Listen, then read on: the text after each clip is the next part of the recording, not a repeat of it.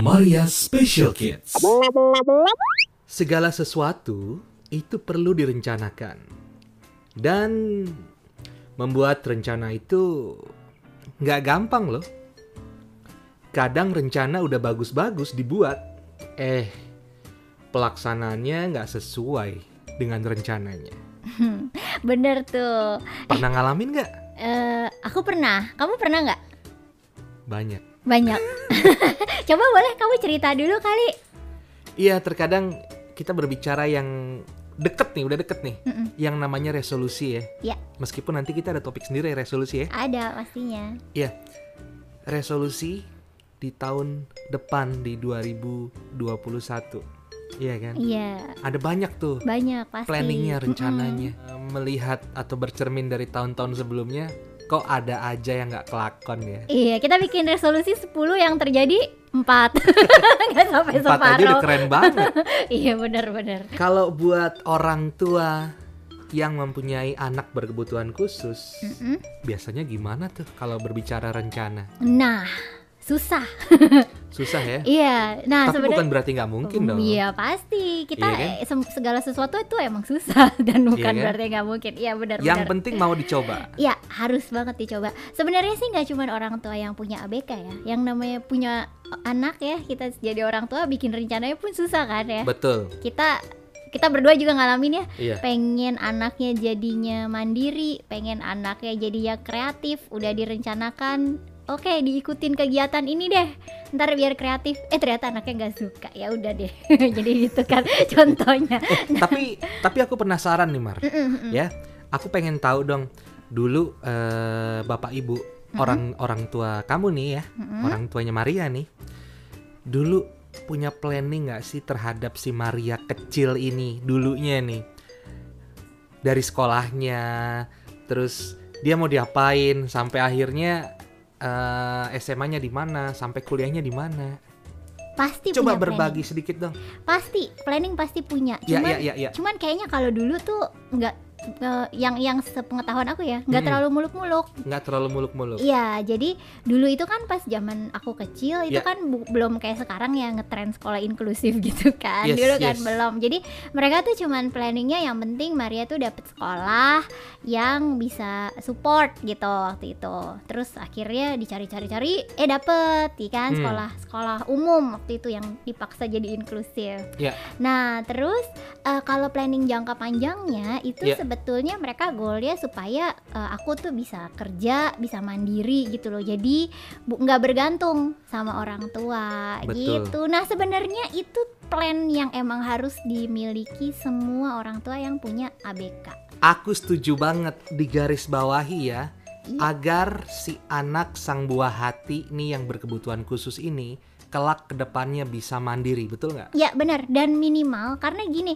kalau misalkan eh, kita mikirnya eh, dulu kan bapak ibu mikir aku supaya bisa kerja karena kebetulan mereka melihat memang aku masih ada potensi lah gitu ya kayaknya untuk kerja gitu. Oke. Nah, ada kondisi ABK yang bayangin te- eh, temen-temen yang disabilitas intelektual itu yang eh, severe atau profound. Jadi mereka tuh gambarannya eh, harus banget disupport gitu karena secara fisik sangat lemah gitu kan. Ya. Terus eh, untuk bergerak berjalan aja harus pakai alat-alat bantu. Nah, kalau kondisinya kayak gitu memang nggak bisa muluk-muluk eh, planningnya ke depan harus bisa kerja gitu ya. Cuman minimal mandiri bisa mengurus kebutuhan pribadinya, makan, mandi sendiri gitu. Jadi itu yang harus harus direncanakan dari kecil gitu. Bahwa target besar ke depan nih anak nih bagaimanapun kondisinya adalah minimal banget ya daily living skillsnya tuh bisa sendiri gitu kan.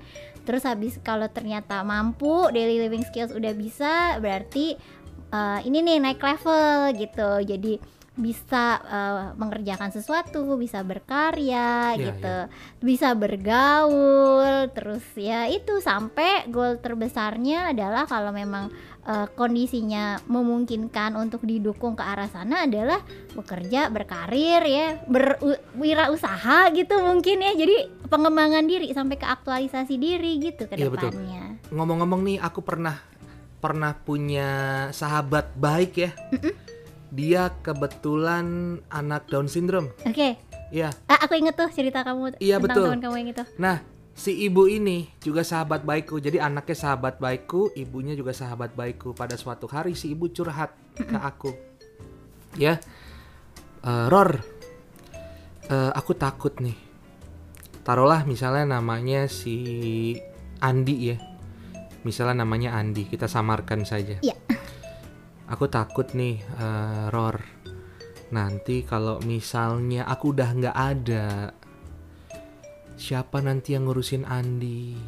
Iya kan? Mm-mm. Sekarang aja untuk beberapa kegiatan, untuk beberapa aktivitas aja si Andi masih harus aku bantu. Mm-mm. Karena dia punya keterbatasan. Dan dia agak susah untuk bisa menerima orang-orang baru. Iya. Itu membutuhkan sebuah proses yang nggak sebentar. Kira-kira seperti itu. Aku mendengarnya sih, wow. Ya berasa mau jadi pahlawan, tapi gimana ya? eh, karena kita eh, berbeda tempat ya. Mm-mm. Itu ada di Jogja, aku sementara di Jakarta.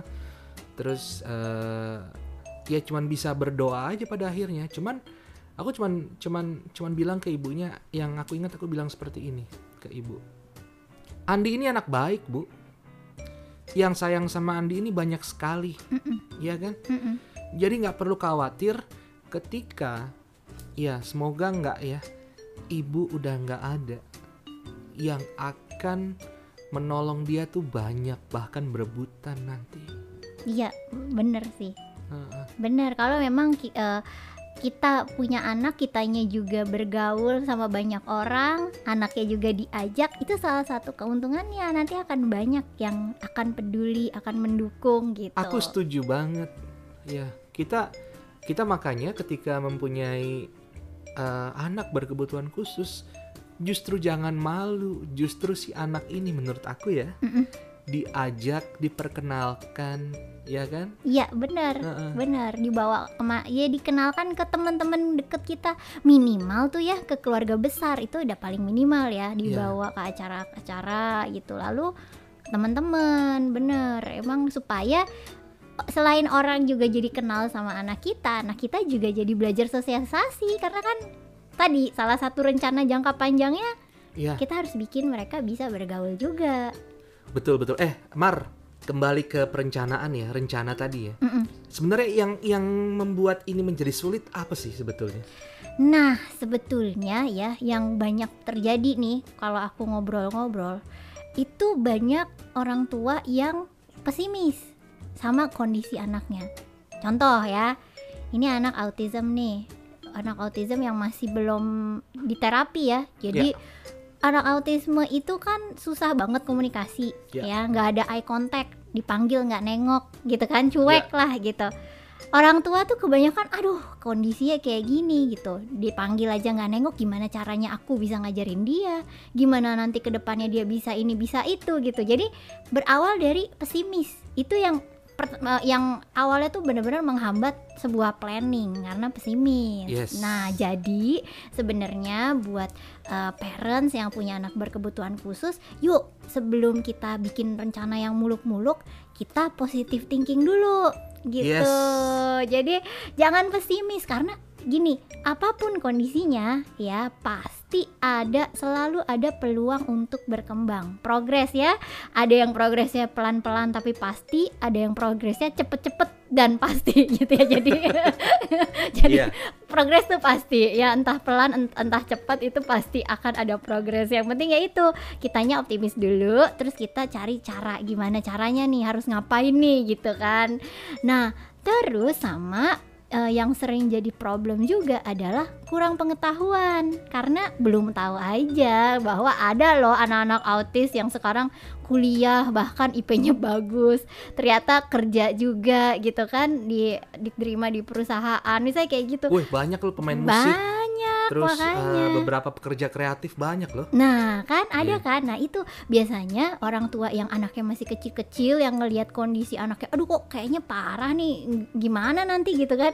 Nah, te- teman-teman dan anak-anak yang sekarang udah eh, sampai ke kuliah, sampai ke bekerja, itu kalau kita trace back ke belakang, masa-masa umur 2-3 tahunnya juga orang tuanya sama posisinya gitu. Hmm. Banyak yang kayak aduh ntar anak gue jadi apa nih kondisi kayak gini betul. parah gitu. Jadi jadi kita perlu eh, banyak-banyak cari referensi gitu. Oke, iya iya iya.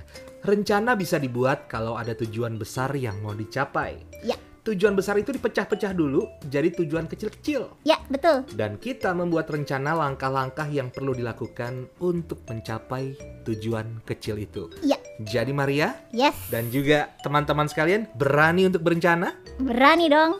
Asik. dan kita akan ketemu lagi di episode berikutnya. Episode berapa? Episode kelima. Episode Masih kelima. di challenge apa Roni? 30 hari Bersuara. Dadah. Sampai jumpa. Maria Special Kids.